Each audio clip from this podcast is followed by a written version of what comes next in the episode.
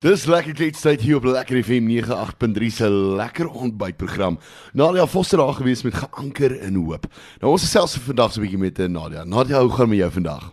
Dit gaan baie baie goed met my. Ek sit in Lekker FM se studio, so dit die dag kon nie beter begin het nie. Ag man, dis lekker man. Dis lekker om bietjie uh, saam met jou te kuier en bietjie uh, te gesels en bietjie uit te vind oor uh, wat jy doen en waar jy is en allerlei dinge. Jy's 'n besige dame. Yes. 'n Verskriklike besige dame. Uh, ek het so 'n bietjie opgelees oor jou en uh, ek het gesien jy het groot geword in 'n pastorie. So jy het uh, jou musiek het al daar begin as 'n klein dogtertjie. Vertel ons 'n bietjie meer daarvan. Ja, ek vertel nou dag vir 'n vriend. Ek kan onthou dat my eerste offisiële vertoning was op ouderdom 3. Ja. Ek en my sussie het saam gesing. Dit was 'n Kersfees optrede, opvoering en ons het in stemme, ons het geharmoniseer. So klein soos wat ons was en ons het soos 'n sterretjie in die donker nag gesing.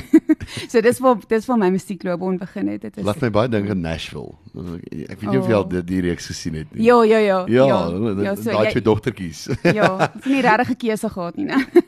maar uh, wanneer het jy nou jy, jy ek sê jy's 'n besige dame en uh, jy het nou as klein uh, klein dogtertjie begin sing en dan was so saam met jou pa half ge, getoer ja. terwyl jou pa nou maar basies uitreike gedoen het en daai tipe van dinge. Dis reg, ja. Wanneer wanneer het dit nou gekom dat jy nou besluit het luister ek moet nou hierdie opvat as 'n werk?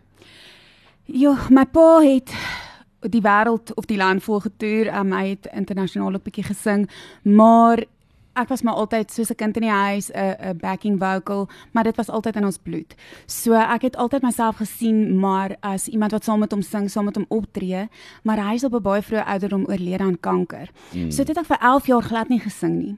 Ja. En dit was asof my platform onder my uitgeruk is. Mm, mm. En jy weet as as jy weet jy's geroep om iets te doen, dit dit jaag jou, dit borrel naderhand in jou. So ek het weer begin, ek het 'n tribute album gedoen en maar op daai stadium het ek nie regtig geweet wat ek doen nie. So ek het nou onlangs eers seker die laaste 2 jaar ehm um, daadwerklik begin werk.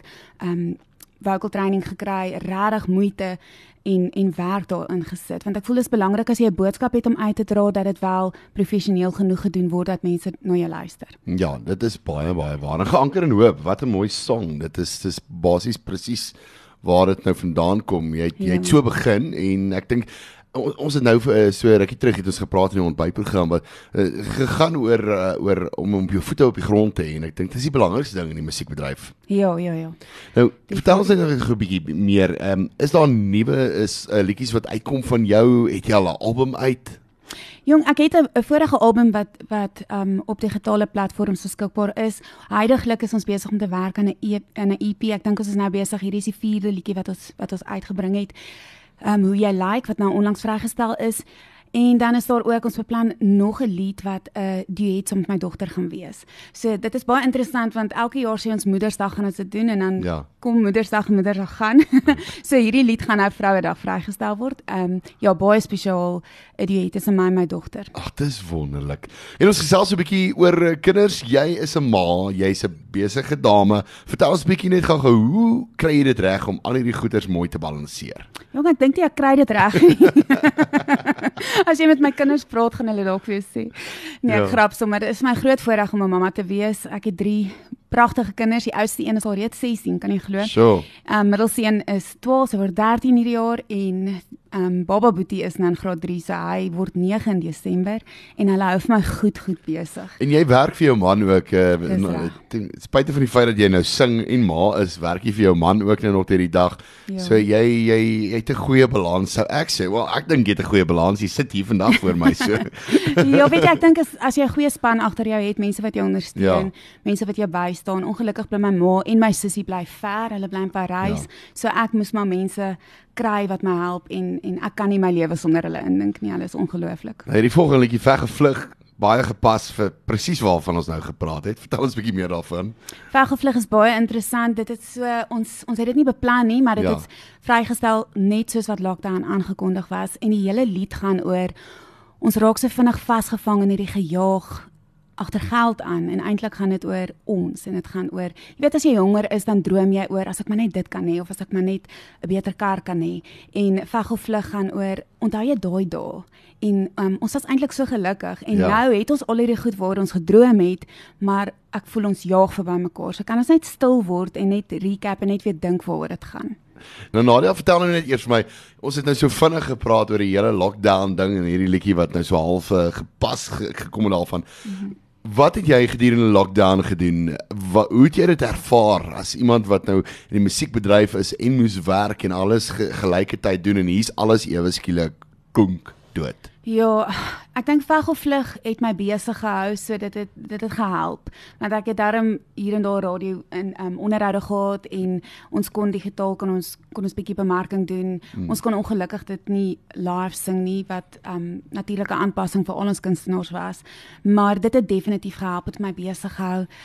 Maar boonbehalwe dit het ons baie baie hard self gewerk. Ek en my man moes self meeste van die werk wat 'n hele kantoor gewoonlik verrig. Um, Daardie take moes ons self uitrig.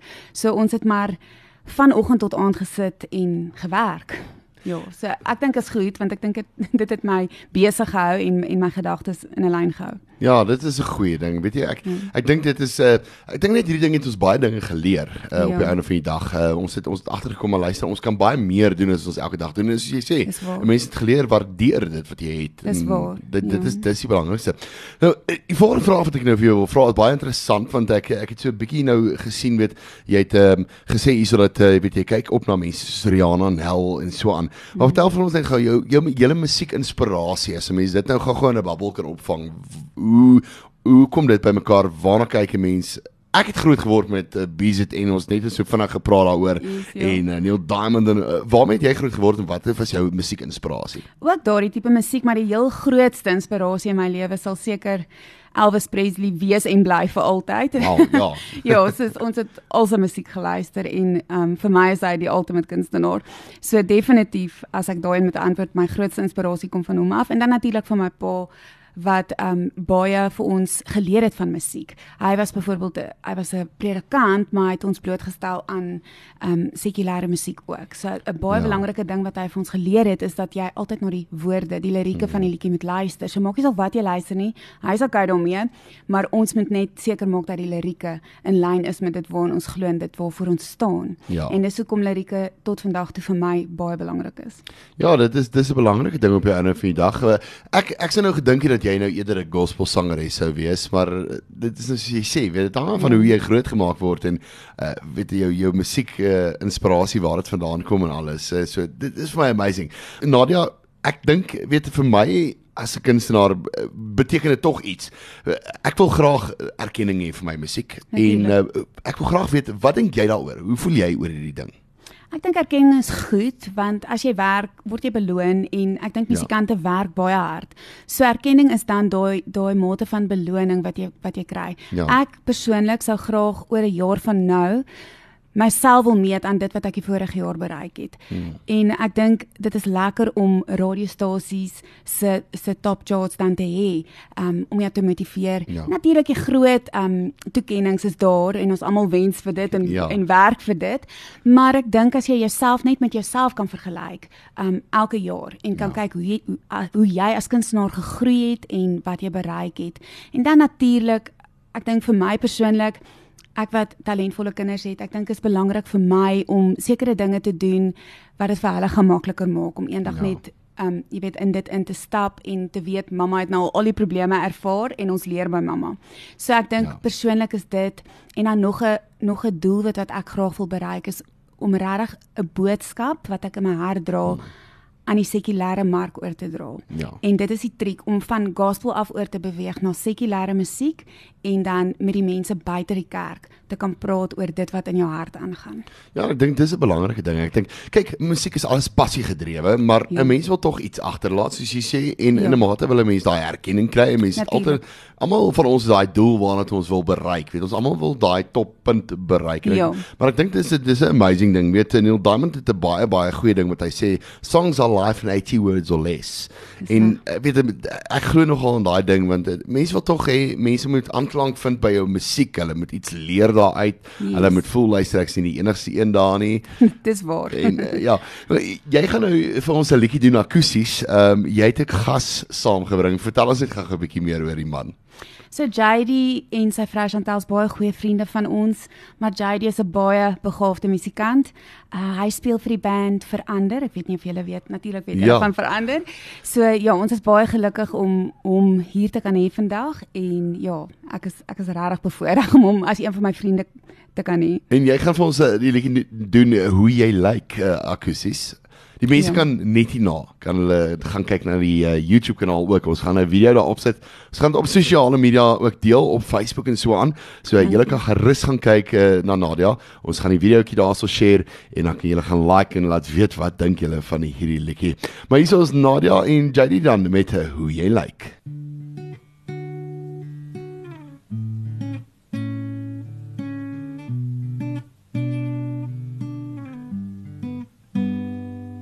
Sal jy wag? Daar is iets wat ek vir jou wou sê. Wat maak dit saak wat al die ander gaan sê? Niemand gee in elk geval om nie oor hoe jy lyk. Maar jy weeg te veel of net te min. En jy pas vanaand net nie meer in. Dit wat jy so hard beplan het om goed te lyk en goed te voel oor wie jy regtig is as mens. Maar sê my wat as jy net nie meer omgee op 'n dinke wat jou bring tot onder. Is altyd iemand anders wat dink aan iemand anders. En wonder hoekom hulle nie so kon lyk wat maak dit saak as hulle op en af kyk. Dit wat binne jou is, is skoonheid.